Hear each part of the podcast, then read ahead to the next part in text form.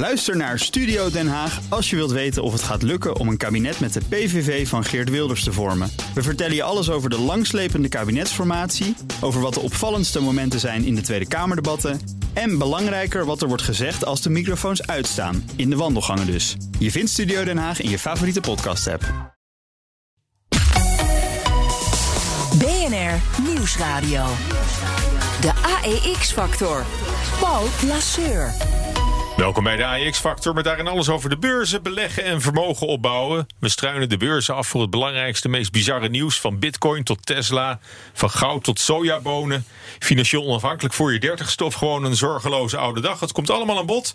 En we kijken verder dan alleen beleggen in aandelen. Kortom, je bent helemaal bij als je luistert. En ons panel vandaag bestaat uit Jean-Paul van Oudheusden... van het beleggersplatform Markets Are Everywhere. Terug van, uh, van weg geweest, want je was hier pas ook nog. En uh, Nick Bortelt, CEO bij online broker Bucks. Hartelijk welkom. Dank je. Goed dat je er bent. Ja, na de food, fit en beauty influencers is een nieuwe categorie hard bezig aan een opmars. De financial influencers. Via gelekte filmpjes en posts op sociale media laten ze jonge beleggers wel even zien hoe het werkt beleggen. Maar is het wel zo slim om naar deze zogenaamde beleggingsadviezen te luisteren? En welke wereld gaat erachter schuil? Dat zometeen. Maar eerst de greep uit het belangrijkste beursnieuws van de afgelopen week. The banks all beating uh, on the bottom line. Firstly, JP Morgan revenues ahead, EPS comfortably ahead, 450 a share. Forecast was for 310 capital markets for JPM. As for Goldman Sachs, fantastic uh, across the board. That theme continuing in from last year. A similar theme in Wells Fargo. De Nasdaq, dat is de techbeurs van Amerika, maakt zich op voor een enorme beursgang. Coinbase, het grootste Amerikaanse handelsplatform voor cryptovaluta, start vandaag met een notering op die Nasdaq. Just mind-boggling to get a reference price of 250, which means 65 billion. People talking about hundreds of billions in terms of market capitalization. We have to start here with the price action, right? Because we had gone way past 380. Now we're back down to 330. Can you bring us behind the curtain a little bit and explain what's going on here? Yeah, I think if you look at, at, a, at a direct listing, it is a, a pure auction. Uh, it, there's not the traditional role of the advisors play stabilizing a, a stock, but this was clearly a very successful direct listing.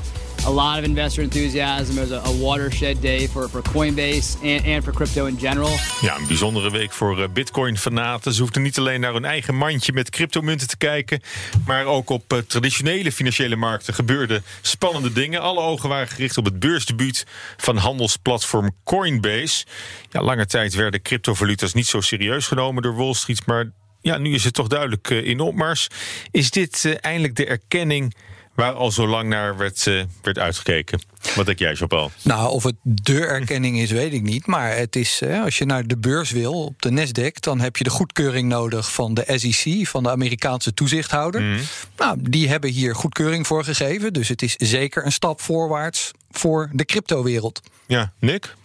Ik denk dat het een hele belangrijke stap is in die, uh, in die uh, vooruitgang in crypto. En dat het ook een soort erkenning is dat crypto niet zomaar een, een, een, een hype is. Maar dat er, uh, dat er echt dat, dat het structureel is. En dat er hmm. dingen gebeuren die de wereld aan het veranderen zijn. Ja, maar je ziet wel tegelijk een, een bizarre waardering voor zo'n onderneming. Want die heeft amper 10% van de omzet van, nou noem een ING. Maar op de beurs is het al het dubbele waard. Ja, maar heb je gekeken naar die cijfers die ze over het eerste kwartaal hebben gerapporteerd? Ja, het groeit hard, hè? Ja, dus het is, ze hadden 1,8 miljard aan omzet. Hebben ze ook nog de vooruitblik erbij gegeven dat ze denken dat de winst ongeveer op 800 miljoen uitkomt. Ja, dat voor een bedrijf wat in 2019 nog 30 miljoen verlies draaide. Ja, er zijn toch een hoop mensen die denken, nou, dit gaat nog wel een tijdje door. En, en, dan vind jij zo'n extreem hoge beurswaarde wel te, te, verantwoorden? Ik vind het absoluut niet te verantwoorden. Maar dit is wel uh, wat uh, de mensen bereid zijn uh, om ervoor te betalen. Ja, ja Nick, is dat, is dat nou, ook het enige wat, wat, wat voor jou... Wat, wat, wat, wij, wij, hebben, wij bieden zelf ook cryptohandel aan. Mm. En nou, ik ben me er al een paar jaar in aan het verdiepen. En bij cryptohandel denken mensen vaak... oké, okay, dat gaat om bitcoins aan- en verkopen. Mm -hmm. Maar bitcoin, blockchain, daar gaat een hele wereld achter schuil... Waar, waar duizenden bedrijven wereldwijd mee bezig zijn... waar heel veel in geïnvesteerd wordt. En Coinbase is natuurlijk een, een afspiegeling. Mm. En ik denk dat, dat, dat we het begin pas hebben. Dus ik vind het helemaal niet zo raar dat die, dat die waardering zo nee. hoog is. Nee, want ja, je kunt ook zeggen, beleggers in Coinbase... die kunnen wel profiteren van die enorme bitcoin-rally... zonder dat ze zelf bitcoins hoeven te kopen. Dat is misschien dan wel een, wat, een veel slimmere manier om, eh, om mee te liften. Je leunt dan in ieder geval niet op de prestaties van één digitale munt. Die, die ook wel eens heel hard kan dalen ineens hebben we gezien. Twee jaar geleden nog. Ja, ja, maar natuurlijk is het zo dat, dat heel veel van die munten wel gecorreleerd zijn. Ehm, je kan ook een crypto-ETF kopen bijvoorbeeld. Maar uh, dat is inderdaad waar. Je hoeft, je hoeft niet, alhoewel tegenwoordig is crypto kopen niet zo ingewikkeld meer als het een paar jaar geleden was. Ja, nou, in ieder geval niet via jullie platform. eh. Nee, klopt. Nee, En dat is wel het intrigerende bij Coinbase. Want hè, die hoge winst die ze hebben gemaakt, ze maken ook echt enorme marges. Mhm. Ja, op sommige orders zit misschien 10% eh, commissie op, zeg maar in totaal. Mhm. En je denkt toch, ja, die crypto's die kan je op elke hoek van de straat inmiddels kopen. Dus hoe lang houden ze die marges vol? Mhm. Dat is wel intrigerend. Ja, dat is spannend, ja. Maar goed, ja, feit blijft. Ja, veel, veel grote beleggers, maar ook eh, ja, traditioneel, eh, traditionele beleggers... die zagen af van een van echt een grote investering in bitcoins of, eh, of ether. Hè, omdat ze die grote volatiliteit ook een beetje, een beetje griezelig vinden. Eh, verwacht je dat ze nu zeg maar indirect toch wel eh, gaan, gaan instappen via, bit, eh, via Coinbase dan? Nou ja, ik weet niet of dat via Coinbase is, maar je ziet natuurlijk gewoon de animo voor in eerste instantie Bitcoin. We hebben natuurlijk eh, bedrijven MicroStrategy, Square, Tesla, die Hmm. allemaal groot in Bitcoin zijn gestapt. Ja. Nu heb je hier in Nederland Robeco, die zegt van nou, wij vinden dit best kunnen in onze assetallocatie. En dat dan wereldwijd. Dus er zijn steeds meer mensen die eh, geïnteresseerd raken. Ja, maar goed, Nick, jij zei net ook, het, het is wel gecorreleerd. En het is niet zo dat al die verschillende eh, crypto's aan, aan, eh, met elkaar gecorreleerd zijn, maar ook een bedrijf als, als Coinbase lift natuurlijk gewoon, ja, misschien wel één Ja. op één mee met Nou, omhoog en omlaag. Tuurlijk, maar, maar crypto wordt langzaam een nieuwe asset class. Precies wat, wat, wat Jean-Paul net zegt. En het is een, een, een asset class die je in je portefeuille moet hebben. Net zoals je andere. Ja, eh, mag niet, mag niet ontbreken. Kijk jij er dus ook zo tegenaan, eh Jean-Paul? Nou ja, kijk, als je nou echt liefhebber bent en je bent belegger, ja, dan is het toch wel, als je die, die koersstijgingen ziet, om helemaal langs de zijlijn te staan en niet mee te doen. Dan ik kan dan me eigenlijk dan niet. het wel- gaan je handen jeuken natuurlijk. Ik kan het Ja. me gewoon niet voorstellen. Ja, dus, Dat- Nee, dat- je, je, je ziet tegenwoordig ook, eh, eerst waren het de twintigers, de dertigers. Ja, ik ging van de week met mijn buurman een rondje lopen, een vijftiger. Die zei, oh Nick, waar, eh, waar, waar kan ik die nou, waar, waar kan ik dat nou het beste kopen? Dus het begint, het begint mainstream te worden. Maar goed, je bent wel laat wakker geworden dan. Als je, als je nu nog... eh, Dat weet je niet. Dat weet je pas over tien jaar. ja, je weet het niet. Kijk, het, eh, ja. Misschien even over het risico. Hè. Als je kijkt naar 2018, toen zakte die hele bitcoin met ongeveer eh, 70% naar beneden. Mhm. Ja, toen stopte twee derde van de klanten bij Coinbase met handelen. Als we dat weer een keer gaan krijgen, ja, dan eh, gaan ze samen mee naar beneden. Dus het is ook niet echt een diversificatie van de bitcoin zelf. Het is gewoon heel erg gecorreleerd. Ja, zozeer zelfs dat je eigenlijk zegt van het, het maakt niet eens veel uit of je nou eh, aandelen Coinbase koopt of, eh, of, of een stukje Bitcoin. Op dit moment denk ik dat de correlatie echt heel hoog is. Ja. En eh, kun je ook zeggen dat deze beursgang een zichzelf eh, versterkend effect heeft? Hè? De beursgang van Coinbase drijft de koers van Bitcoin verderop, hè, want dat zagen we meteen.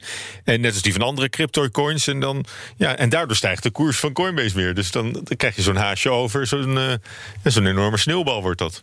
Ja.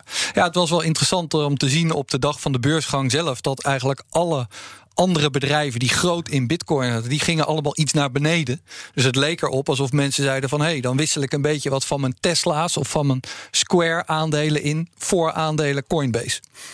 Ja, en, en wie, wie is dan de doelgroep? Wie, wie, zijn, wie zijn deze beleggers? Nou, die zijn dus tegenwoordig heel breed. En wat je, wat je voorheen zag, wij hebben twee, twee eh, platformen. We hebben een, eh, een aandelen- eh, en een ETF-platform. En we hebben een platform Bucks Crypto, waar je in crypto kan, kan handelen. En eerst waren dat echt twee hele verschillende doelgroepen. En tegenwoordig zien we dat er steeds meer overlap is. En wat wij ook gaan doen, eh, dat, dat willen we dit jaar doen. Wij willen Bucks Crypto ook integreren in onze reguliere aandelen-app. Dus, dus straks krijg je aandelen, ETF's en crypto allemaal. Heb je op één schermpje, kan je, kan je alle kanten op. Exact, ja.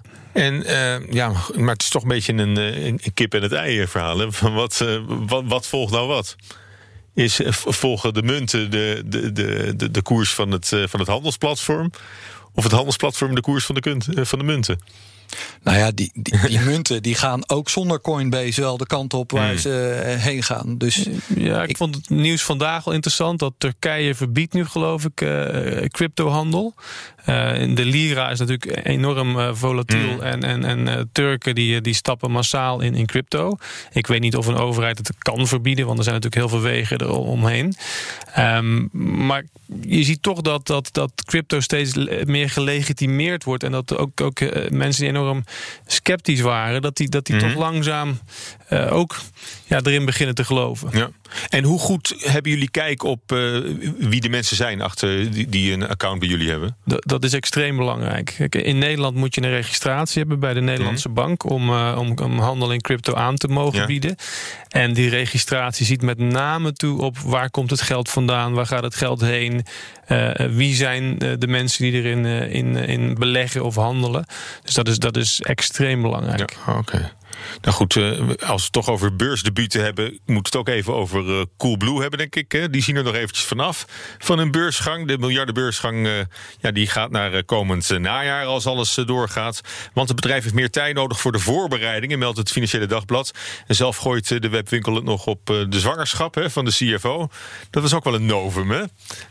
Ik vind het fantastisch. Ik vind eh, Coolblue een, eh, een heel mooi bedrijf. Ik, ik, ik ben zelf eh, naast beurs, beursgek, ben ik ook een, een marketeer. En ik vind dat Pieter Zwart met zijn bedrijf dat fantastisch doet. En, Ehm, en die zwangerschap van de CFO past eigenlijk wel in dat, in nou, dat, rijtje. exact, exact. Kijk, Het is marketing. Het, het, nee, maar, maar Coolblue is een heel menselijk bedrijf. En, en je hebt het gevoel van het is ook een beetje mijn bedrijf. Het rijdt elke dag door je straat. Het zijn vriendelijke mensen. Ja. Ze hebben zo'n leuke smiley voor op een bus eh, zitten. Nou, en het feit dat dan de CFO een, een kindje krijgt en dat ze daar, daarvoor de boel even uitstellen.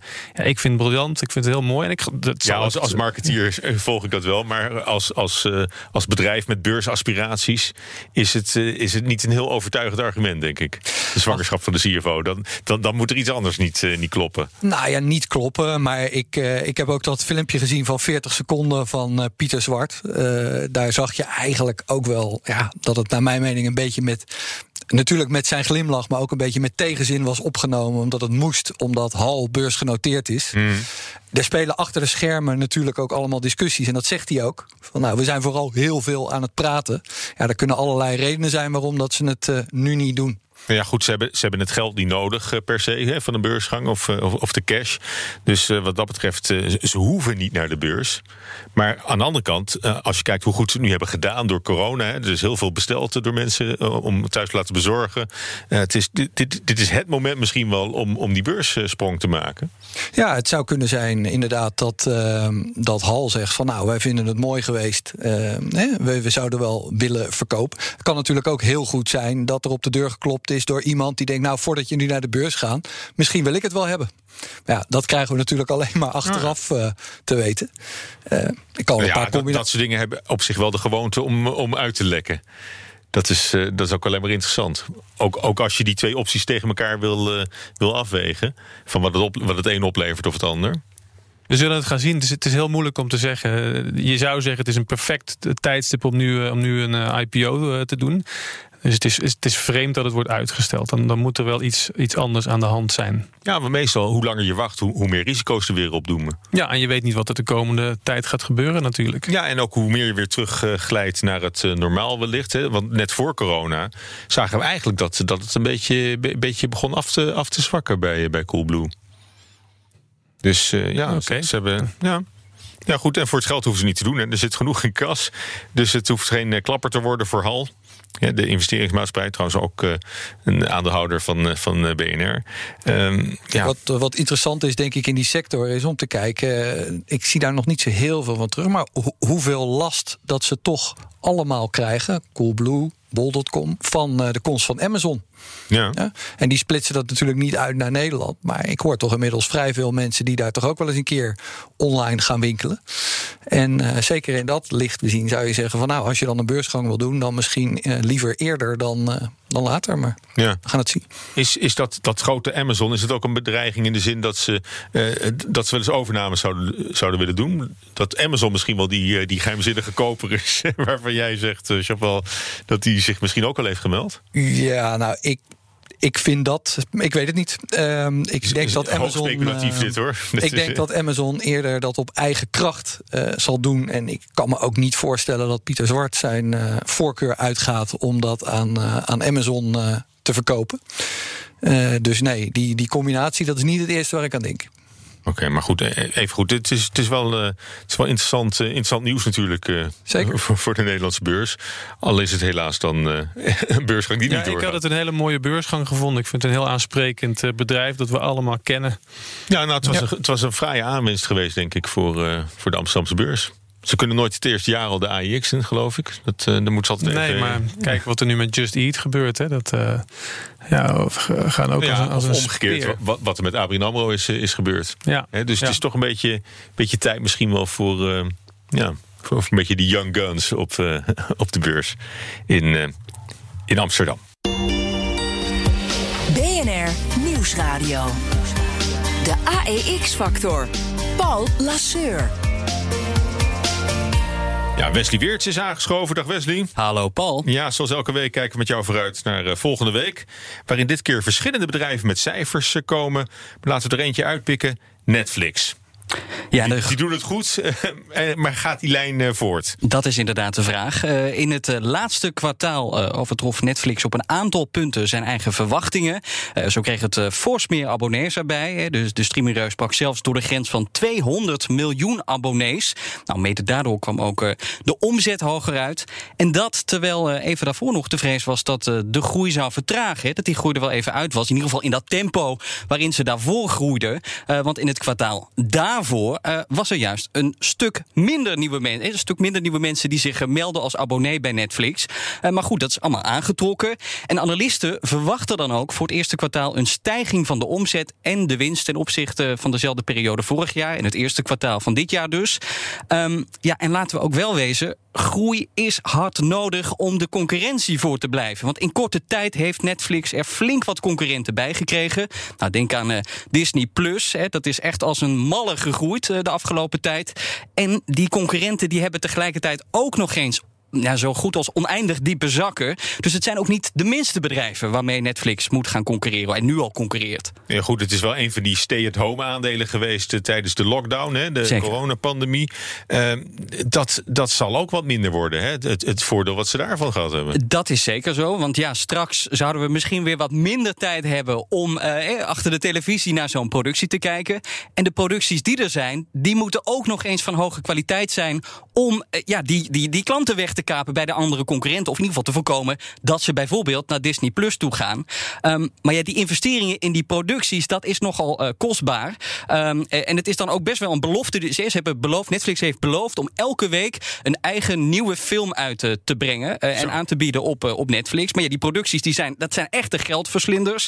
Um, en dat zorgde er aanvankelijk ook voor, de, de, afgelopen tijd dat ze bestaan, dat er eigenlijk meer geld naar buiten vloeide. Ja, dan dat er geld dat ja. naar binnen kwam, inderdaad. Maar aan die cashburn is naar verluid nu een einde gekomen. Want ja, het gaat uh, financieel toch wel redelijk goed met Netflix. En het bedrijf verwacht dan ook ja, dat het niet meer uh, geld hoeft te lenen voor de dagelijkse bedrijfsvoering. Dus onder meer voor de productie van die films. Um, en dan is Netflix opeens ook niet meer zo afhankelijk van die externe financiers. Hè, voor, voor het geld om die producties mee te betalen. Um, en naast die dure eigen producties kopen ze natuurlijk ook een hoop van die producties in. Een goed voorbeeld is misschien uh, recent die deal met Sony. Eerder deze maand was dat. En die deal die zorgt ervoor dat Netflix de rechten heeft om nieuwe films van zo Sony exclusief uh, op Netflix aan te bieden. Natuurlijk nadat ze in de bioscoop zijn geweest en op DVD en Blu-ray uh, zijn verschenen voor de mensen die dat, uh, die dat nog bekijken. maar ja, die overeenkomst zorgt er wel voor dat ze dus nog meer producties hebben. In eerste instantie ja, in de VS, want dit geldt alleen in de VS. Maar Netflix heeft er ook wel een beetje al op gehint van dit kan wel eens de opmaat zijn voor ja, een wereldwijde deal, of in ieder geval in meer delen van de wereld. En dan ja, moet je bijvoorbeeld denken aan een film als Spider-Man, want dat is van Sony, dat dan dus ook op het Netflix-platform te bekijken is. Eh, allemaal om marktaandeel te pakken dus. Ja, maar goed, die, eh, die producties die, die zijn ook wel van, eh, van echt hoge kwaliteit. Hè? En er, er werken ook gerenommeerde acteurs aan mee. Ze winnen allerlei awards in, in, in, in Hollywood en Ja. al, al die Ja, filmprijzen. die, die producties moeten echt van hoog. Dat moet echt Hollywood kwaliteit zijn. Om die wij zijn heel erg verwend natuurlijk als, als kijkers van die Netflix-producties. Die moeten van hoge kwaliteit zijn. Het is wel zo dat Netflix al heeft gezegd, als we het dan toch hebben over hè, wat verwachten we qua groei. Ze hebben het eerste deel van 2020 een ontzettende groei doorgemaakt vanwege die lockdowns. Nou, dat tempo, dat verwachten ze in ieder geval niet meer te halen voor dit jaar. Dankjewel, Wesley Weerts. BNR Nieuwsradio. De AEX-factor. Paul Lasseur. Na de food, fit en beauty influencers is een nieuwe categorie bezig aan een eh, stevige opmars. De financial influencer. Via YouTube, Instagram, podcasts bereiken ze hordes tieners, twintigers en dertigers. En vijftigers en veertigers waarschijnlijk ook wel. En ze leren deze jongeren hoe ze moeten beleggen in vastgoed en aandelen. De mensen die geïnteresseerd zijn in hoe ik ervoor sta met mijn aandelen. Ik heb vandaag anderhalf duizend euro gemaakt en in totaal nu 15.000. Ik heb 165k op mijn rekening en ik heb 150 erop gestort. Zeg maar in ruim twee weken heb ik 15.000 euro verdiend. Dat is eh, toch 10% man. Dat is lekker man. En ik, eh, ik ga jullie gewoon meenemen man in de reis. Dit zijn aandelen. Ik zal jullie laten zien wat ik heb gekocht. Ja, het lijkt per shit, hè? Rapper Boef, dit is echt eh, het, het betere werk. Nick, werkt hij ook voor jullie als influencer of niet? Nee, hij werkt niet voor ons. Nee, Nee? ik heb er wel. jammer, eh, jammer genoeg niet. Nou, ik, ik, ik, ik, ik heb er wel met, eh, ja, eh, laten we zeggen, het is, het is interessant om te zien wat hij doet, laten we het zo zeggen. Maar hij werkt niet voor Bucks, nee. Ja, want je, je werkt wel samen met andere influencers. Ja, wij werken samen met influencers. Niet, niet heel veel nog, maar we vinden het wel super interessant. Ehm, kijk, je ziet natuurlijk dat er, dat er het afgelopen jaar, eh, door, door alle macro-economische omstandigheden, door, door corona, dat er heel veel jonge mensen naar de beurs gekomen zijn. En die consumeren hun, hun eh, informatie door middel van onder andere influencers. Dus het is ook niet zo raar dat je dan. Dat er dan ook veel meer van influencers gebruik wordt gemaakt. Oké, en en wie hebben jullie dan eh, op, Nou, op, de rol staan? een aantal mensen die, die eh, eh, onder andere met eh Puk Landenwee. Volgens mij is ze Oh ja. zelfs wel eens een keer bij Ja, jullie ja, geweest. Van, Van, van de Fire for Fire Women. Movement is die. ja, ja. nou daar zijn we erg enthousiast over. Fire voor vrouwen volgens mij. Hè? Ja, Fire for Women. Dus dus, dus zij, zij helpt vrouwen met, met beleggen en, en financiële, Financiële onafhankelijkheid voor, onafhankelijkheid. voor, op jonge leeftijd. Ja, dat is de, de FIRE-beweging, ook op zich een heel interessant fenomeen. Eh, we werken bijvoorbeeld met een hele jonge influencer, die heet Ryan Madami. Eh, we werken met een andere, eh, is geen influencer, maar meer een, meer een expert, eh, Jim Theopoering. Misschien wel eens, Ja, ja, eh, die ik ook hier- wel. eens geweest. Dus het zijn allemaal Nou, mensen die, met wie we die, werken. die, is- die is wel 40 plus intussen, toch? ja, maar die ziet er nog heel jong uit, Jim. Ja, die ziet er nog goed uit, ja. Maar die, eh, die naam, eh, ja, die, die, ja, Jim, eh, die ken ik al, eh, die ken ik al, eh, al heel lang. Maar eh, hoe, hoe werkt het influencer dan? Hoe, hoe gaat het in zijn werk? Eh, Even, ne- neem zo'n Puk, want die, die ken ik dan toevallig omdat ze hier in het programma is geweest. Anders, anders had ik haar waarschijnlijk niet, eh, anders had ze mijn pas, pad niet gekruist, eh, denk ik. Nee, nee nou, wat, wat, wat we doen is, eh, we, we doen allerlei dingen met hen samen. Maar het belangrijkste voor, voorbeeld is denk ik dat we samen content maken. Dus heel concreet video's waarin we mensen uitleggen hoe beleggen werkt. Wat, wat, wat de risico's zijn. wat de, wat Wat, wat informatiever dan we rapper Boef net eh, op een die, die, die andere, van de andere 150 manier, kamer een andere manier in, eh, informatief. Ja, ja. is een stuk neutraler in ieder geval. Ja, en ehm, eh, hoe effectief is het? Kan, kan je dat meten? Levert het nieuwe klanten op? Hoe is de conversie van, nou, van deze? Om, om eerlijk te zijn, zijn we er nog niet zo lang mee bezig. Dus Ja. we, zijn, we zijn deze samenwerking pas net aangegaan. Wat we wel zien, wij, wij, wij produceren ook zelf ook veel, eh, veel YouTube-content. Dat daar gewoon enorm veel naar gekeken wordt. Eigenlijk zie je dat, dat jonge mensen, en ik merk het ook bij mezelf, eh, ja, die lezen amper meer. Die, die, die bekijken Ja. alleen nog video. En dat, dat is de manier waarop je ook, ook beurs- en, en beleggingscontent tot je neemt. Dus het is, het is veel vluchtiger geworden ook. Absoluut, want eh, ja. ja, het zijn allemaal video's van maximaal 6, 7 eh, minuten. Oké, nou ja. En, eh, ja. en wanneer is een samenwerking dan een, een succes voor jullie? Kun, kun je dat Ehm, wel meten? Of, eh, Nou, ja, ja, je kan heel makkelijk meten hoe vaak wordt er naar een video gekeken. Eh, is er ook interactie met zo'n video? Dus, dus reageren mensen op die, video, op die video? Is dat, is dat positief? Is dat, is dat negatief? Het is niet zo makkelijk om te kijken van converteer je zo iemand ook echt naar een klant? Want dit, dit, dit het is vaak anoniem. Ehm, maar die interactie die helpt, die helpt zeker. En, en, en die influencers hebben zelf natuurlijk ook een following. Nieuwsradio. De AEX-factor. Paul Lasseur. En ik praat met eh, Jean-Paul van Oudheusden van het beleggersplatform Markets Are Everywhere. En Nick Bortelt, CEO bij online broker Bux. Nou, hallo allemaal. Eh, welkom eh, terug, zou ik bijna zeggen. We gaan, we gaan nu gewoon door waar we gebleven waren met de radio-uitzending.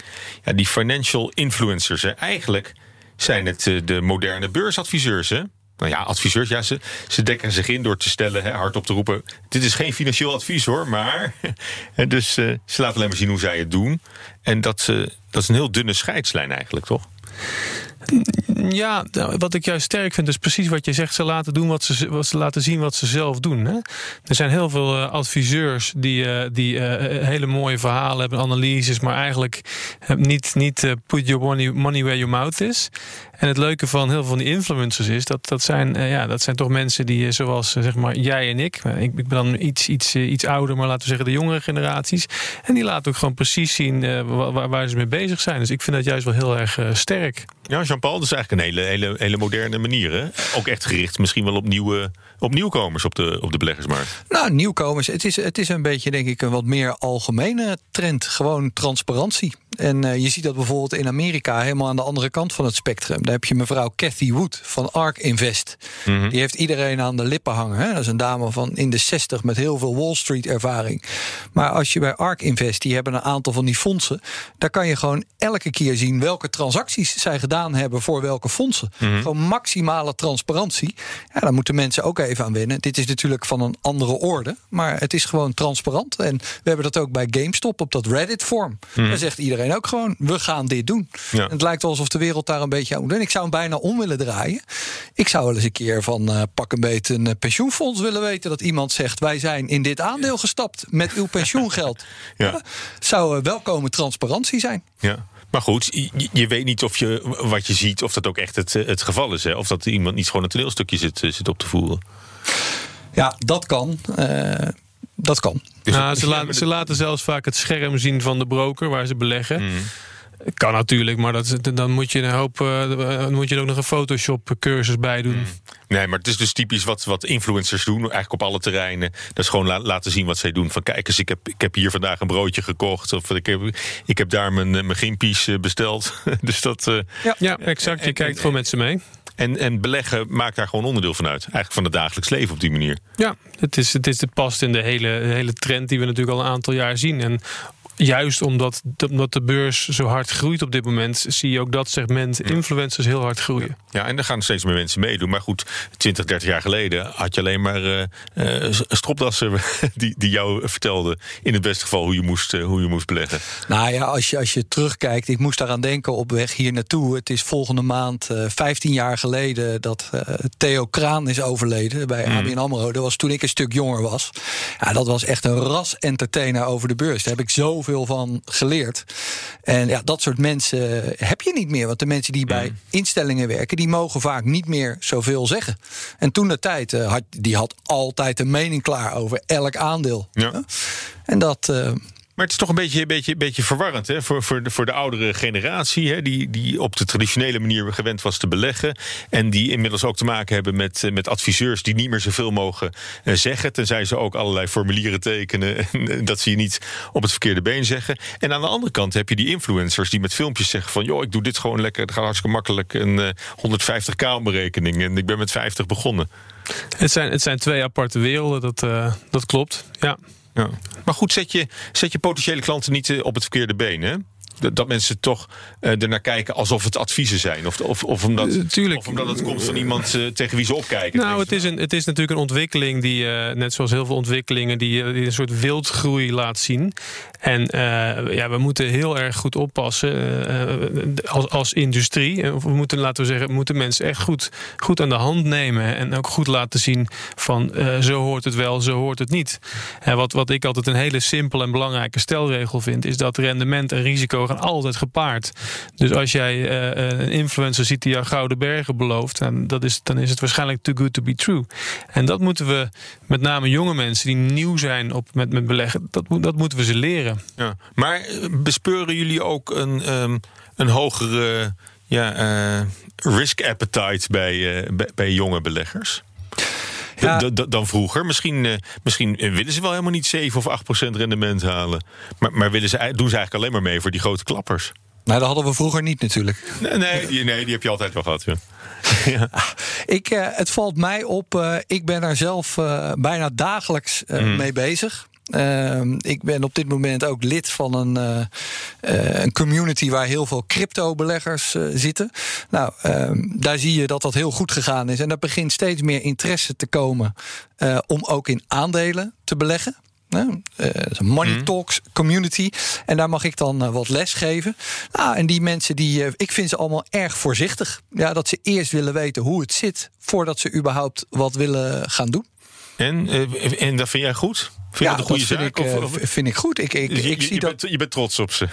nou, ik zie dat er dat gewoon ja. dat er mensen zijn die, die graag veel dingen willen leren. En om je ergens in te verdiepen voordat je wat gaat doen, ja, dat vind mm. ik uh, erg gezond. Ik, interessant dat je dat zegt, want ik merk ook inderdaad dat jonge mensen juist heel voorzichtig zijn. En echt wel goed begrijpen dat, dat, dat ze. Ja, je kunt natuurlijk leuke dingen doen en je kunt speculeren. Maar speculeren is iets anders dan beleggen. En speculeren, dat doe je met het geld dat je over hebt.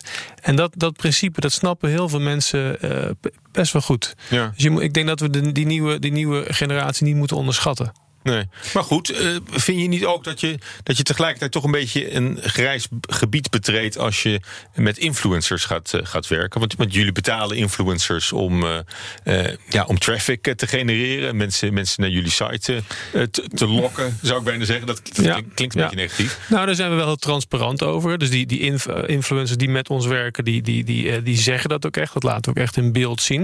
En je hebt twee soorten samenwerkingen. En we hebben dus educatieve content die we maken en die influencers betalen we niet. Dat is, dat is meer verstakken, of hoe noem je dat? Dat is meer uh, met een gesloten portemonnee. Mm -hmm. um, maar er zijn ook influencers die wij betalen. Uh, die hebben een bepaalde reach. Um, maar daar doen we wel echt een hele goede curatie op. Dus we kijken echt wel heel goed uh, wat die mensen zeggen en of ze geen onzin verkopen. Ja, scripten jullie dat ook of niet? Nee, dat moet je niet doen en dat willen influencers ook niet. Influ dat, dat, dat, dat is een beetje not done in de influencerwereld om, uh, om een influencer iets exact te laten zeggen wat, wat jij ja. wil laten zeggen. Maar goed, je betaalt ze wel, dus dan mag jij denk ik ook verwachten dat ze, dat ze wel reclame voor je maken. Dat klopt, ja. ja. Maar ja, goed, op, op tv zie je ook reclame. En daar, uh, ja, dat, dat, dat weet je ook dat het reclame is. Dus het is belangrijk. Dat gaat je zelf in op nog.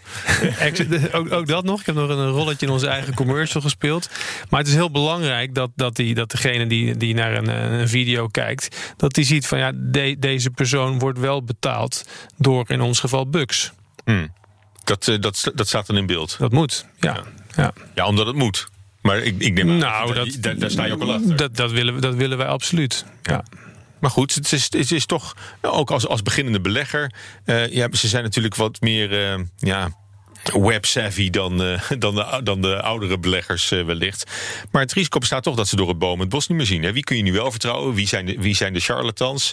Als je een paar keer zoekt op beleggen hè, op Google... dan word je daarna doodgegooid met reclames van jonge gasten... die je wel even laten zien hoe het moet. Ja, maar ik vind het zo grappig. Hè? Als je het nou gewoon weer wat breder trekt. Ja, als iemand een huis gaat kopen... Ja, dan kijk je ook naar mensen waarvan je denkt dat die er verstand van hebben. Die mogen je van alles vertellen. Hetzelfde geldt voor een boot, voor een auto...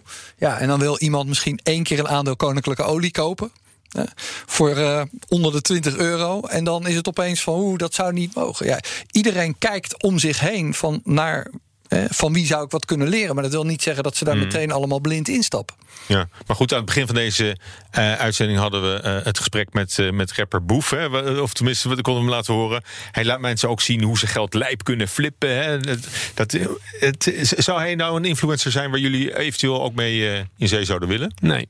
Nee. Wa- wat- waarom niet? Waarom hem wel en eh, hem niet? En, eh, Nou, en, en d- dus- wel. Ja, er, er zijn bepaalde principes in beleggen. Daar had ik het net al over. hè. Risico-rendement is een belangrijke. Spreiden is een belangrijke. Beleggen gaat over de lange termijn, wat ons betreft. Dus het gaat niet over snel geld verdienen, niet over speculeren. Ehm, en, en dat is waarop wij influencers met wie we samenwerken toetsen. Dat vinden we heel belangrijk. Dat, dat ze weten waar ze het over hebben. Nou, en dat, dat, dat het ook over beleggen gaat en niet over snel geld verdienen. Oké, ja, want eh, ja, vroeger vertrouwden beleggers op, op de man in pak. Hè. Ik had het net over met, eh, met Jean-Paul. Eh, ja, tegenwoordig volgt eh, ook een deel eh, influencers hè, op social media, op de voet. Eh, wie controleert nu of het wel hout snijdt wat ze zeggen? Dit Doen- doen jullie dat? Ehm, nou, dat doen wij voor de, voor de mensen met wie we werken. En, en wij proberen los daarvan onze klanten eh, te, te onderwijzen in nou, hoe, Hmm. wat, wat, ja, hoe, hoe werkt beleggen nou precies en wat zijn Ja, de risico's? maar- Waar moet je maar, op let- Maar letten? hoe ver gaat dat? Want je wil ze niet scripten, zei je net. En dat willen zij ook niet.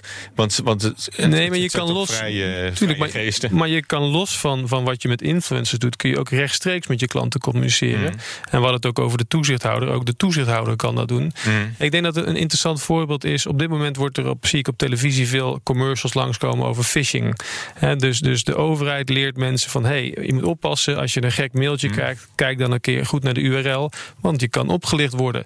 Nou, zo denk ik dat, dat, dat, dat wij als, als beleggingsindustrie en dat ook de, de toezichthouder mensen erop attent moet maken. Ja, let, op, let er bijvoorbeeld op hoe lang is iemand al, al bezig. Als, hij, als hij net drie weken bezig is, dan is best, best wel knap dan dat hij jou heel veel over beleggen kan vertellen terwijl hij het zelf pas drie weken doet. Eh, dus er zijn een aantal elementen waar je op moet letten. Ik denk niet dat de toezichthouder elke individuele influencer kan gaan beoordelen. Maar eh, je, je, moet, je moet mensen een aantal handvatten meegeven. Ja, nou, ik heb eh, de toezichthouder gesproken deze week. Ik had Laura Vergeest in de studio, van de voorzitter van de Autoriteit Financiële Markten. En die zei het volgende erover. Waar we natuurlijk bang voor zijn, is dat mensen verslaafd raken. Dat zou natuurlijk eh, vervelend zijn. Of dat mensen geld beleggen wat ze niet kwijt, eh, wat ze niet kunnen missen. En ook bij influencers, ja, daar, ga, daar zijn we wel naar aan het kijken. Want mensen mogen natuurlijk wel gewoon open. Er is eh, vrijheid van meningsuiting, zeggen we dan. Maar het is natuurlijk niet de bedoeling dat jij dingen zegt, terwijl je daar dan zelf spekkoper van wordt, omdat Ja. jij daar toevallig een positie in hebt verworven. Oh, dus de, ze moeten het wel kunnen waarmaken wat ze, wat ze, wat ze beloven. Nou, ze moeten ook transparant zijn. Hè. Er, is, er is allemaal regelgeving rond advies. Dat, dan moet je allemaal eh, boekwerk. De rapper Boef heeft Mhm. denk ik daar de papieren niet voor. Eh, maar je mag, er zijn ook regels rond aanbevelen. En die luisteren best wel nauw. En daar moeten mensen wel op letten. En daar letten wij in ieder geval op. Of zij daar wel op letten. Oké, maar zo, als, als zo'n rapper Boef optreedt, eh, ko- komt het dan ook op jouw bureau terecht? Van, van moeten we hier niet eens naar kijken? Nou, er zijn wel mensen bij mij die bijvoorbeeld dat, dat netwerk van IEX gewoon wel goed volgen bij, bij de AFM. We zijn wel aan het kijken over hoe de markt zich ontwikkelt. Hè, eh, want het was een jaar geleden wat minder actueel. We kijken wel hoe de markt zich ontwikkelt en ook wat we daaraan passend gedrag moeten doen. Maar als mensen echt ongeoorloofd gedrag vertonen, ja, dan gaan we daar ook op ingrijpen. Ja, en is dit een beetje wat jij verwacht, eh, Nick, van, eh, van de toezichthouder? Nou, ik vind het heel knap. Ik denk, eh, ze- ze gaan zelfs iets verder dan ik, dan ik dacht. Want het is natuurlijk heel lastig om alles wat er op het internet gebeurt te monitoren. Ehm, en, en je ziet dat ja, de, de Nederlandse jongeren spreken ook perfect Engels. Dus die zitten niet alleen maar op Nederlandse fora, maar die kijken ook gewoon. Nou, we hebben het over Reddit gehad, maar op andere fora. Ja, die hele GameStop-gekte. Eh, exact, die kwam van Reddit. Dus het, het lijkt me niet, niet zo makkelijk voor eh, in dit geval de AFM om dat allemaal te monitoren. Maar ik vind het super dat ze, dat ze ingrijpen. En ook denk wel een, een, een daad stellen, zodat andere influencers zien: hé, hey, ik moet wel, eh, ik moet me gewoon wel netjes aan de regeltjes houden. Ja, maar goed, wat je ook ziet, hè, eh, door, door de opkomst van, eh, van online brokers, eh, zo- zoals jullie, hè, Bux, eh, dat maakt eh, handel op de beurs een stuk laagdrempeliger, veel makkelijker. Dus ook jullie advertentietekst, hè, beleg zonder commissie in aandelen en ETF's. Nou ja, en dan nog die, die influencers die, die daar nog eens overheen gaan. En dan maak je echt de simplificatie van beleggen eh, compleet. Maar dat is, dat is misschien wel een goede zaak dan.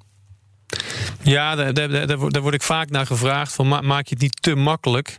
Ehm, nou, ik denk het niet. Hè. De- We doen alles met apps tegenwoordig. Niet alleen beleggen. En, en, en er gebeurt heel veel op, op social media gebied. Dus dat, dat beleggen nu ook op, eh, eh, groot wordt op social media. En dat mensen beleggen met apps. Ja, dat, dat is gewoon de. Dat, we gaan mee in de vaart der volkeren, om het maar zo te zeggen. Maar, maar goed, het, het was, beleggen was altijd een, een, een serieuze zaak. Hè? Het, is, het is ook meer een, een spelletje geworden. Ook een beetje, een beetje gokken. De, gamification van, van eh, beleggen is ook een beetje in, in opkomst. Ja, nou, ik vind dat te ver gaan. Wat ik wel zie is dat eh, er een, eh, grote groep mensen is die aan het beleggen is op het verhaal, zeg maar. Ja, in de, eerder ging het misschien meer om waarderingen. Wat is wat waard? Dat is nu wat naar de achtergrond gedrongen. Je ziet dat mensen erg openstaan voor mooie verhalen over iets wat in de toekomst misschien veel waard gaat worden. Ehm, maar ik vind als je terugkijkt naar wat die eh, mevrouw van Geest eh, zegt. Nou, dat is wel de spijker op zijn kop. Hè. Je moet verslaving tegengaan. Je moet kijken dat mensen geen eh, geld kwijtraken wat ze niet kunnen missen. Als je nog heel even terugkijkt naar Coinbase, dat is dan naar de beurs gegaan, maar die zijn eind vorig jaar zijn die gestopt met het aanbieden van zogenaamde margin training, dus met geleend geld. Ik kan me voorstellen dat daar de toezichthouder heeft gezegd van nou, dat lijkt me nou niet zo'n goed idee op een beursgenoteerde cryptobeurs, maar dat is een goede eh, ontwikkeling. Maar ik denk dat er ook, we kunnen wel ook keer naar die influencers kijken. Er ligt ook heel veel verantwoordelijkheid bij de brokers en de banken, bij wie die mensen een rekening hebben. Want ik vind als jij toch ziet dat iemand met rekening nummer 1, 2, 3, 4 gewoon structureel geld verliest, ja, dan eh, kan je wel naar de wet kijken. Maar dan, dan is toch vanuit je eigen zorgplicht dat je denkt, nou, dan moeten we misschien die persoon eens even een beetje in de gaten houden en kijken of die hulp kan gebruiken. Ja, en eh, doen jullie dat? Zeker, ja. ja dat, dat willen we heel graag. Dat, eh, en dat vinden we aan onze, zijn we aan onze stand verplicht. En, dat, en dat, aan- daarnaast moeten we dat ook doen. Ja, dat is een beetje zoals de, de, de gokwetgeving in ons land. Die is ook op die manier. Hè? Die, die, die wil verslaving tegengaan. Die, die wil ook in de gaten kunnen houden dat mensen problematisch gokverdrag eh, eh, vertonen. Maar dat is ook iets wat, wat een influencer niet kan zien. Want die ziet in principe niet alle transacties die eh, zijn of haar volgers doen. Dus dat, ja, dat moet je denk ik niet alleen op die groep. Terwijl als zij er. ik denk een heleboel. Als die erachter komen dat iemand van hun volgers door hun toedoen heel slecht gaat met zijn geld. Nou, dan zijn ze waarschijnlijk de eerste om eh, te gaan kijken of ze kunnen helpen. Ja, maar goed, de, de toezichthouder zei ook, ik weet niet of het in de quote zat, maar die zei ook, ehm, ja, het staat iedereen vrij om te beleggen. Ik bedoel, mensen hebben ook een eigen verantwoordelijkheid. Misschien zijn we ook wel te, te, bang en te veel bezig van, nou, het is beleggen, dus moeten we oppassen, zorgplicht, zorgplicht.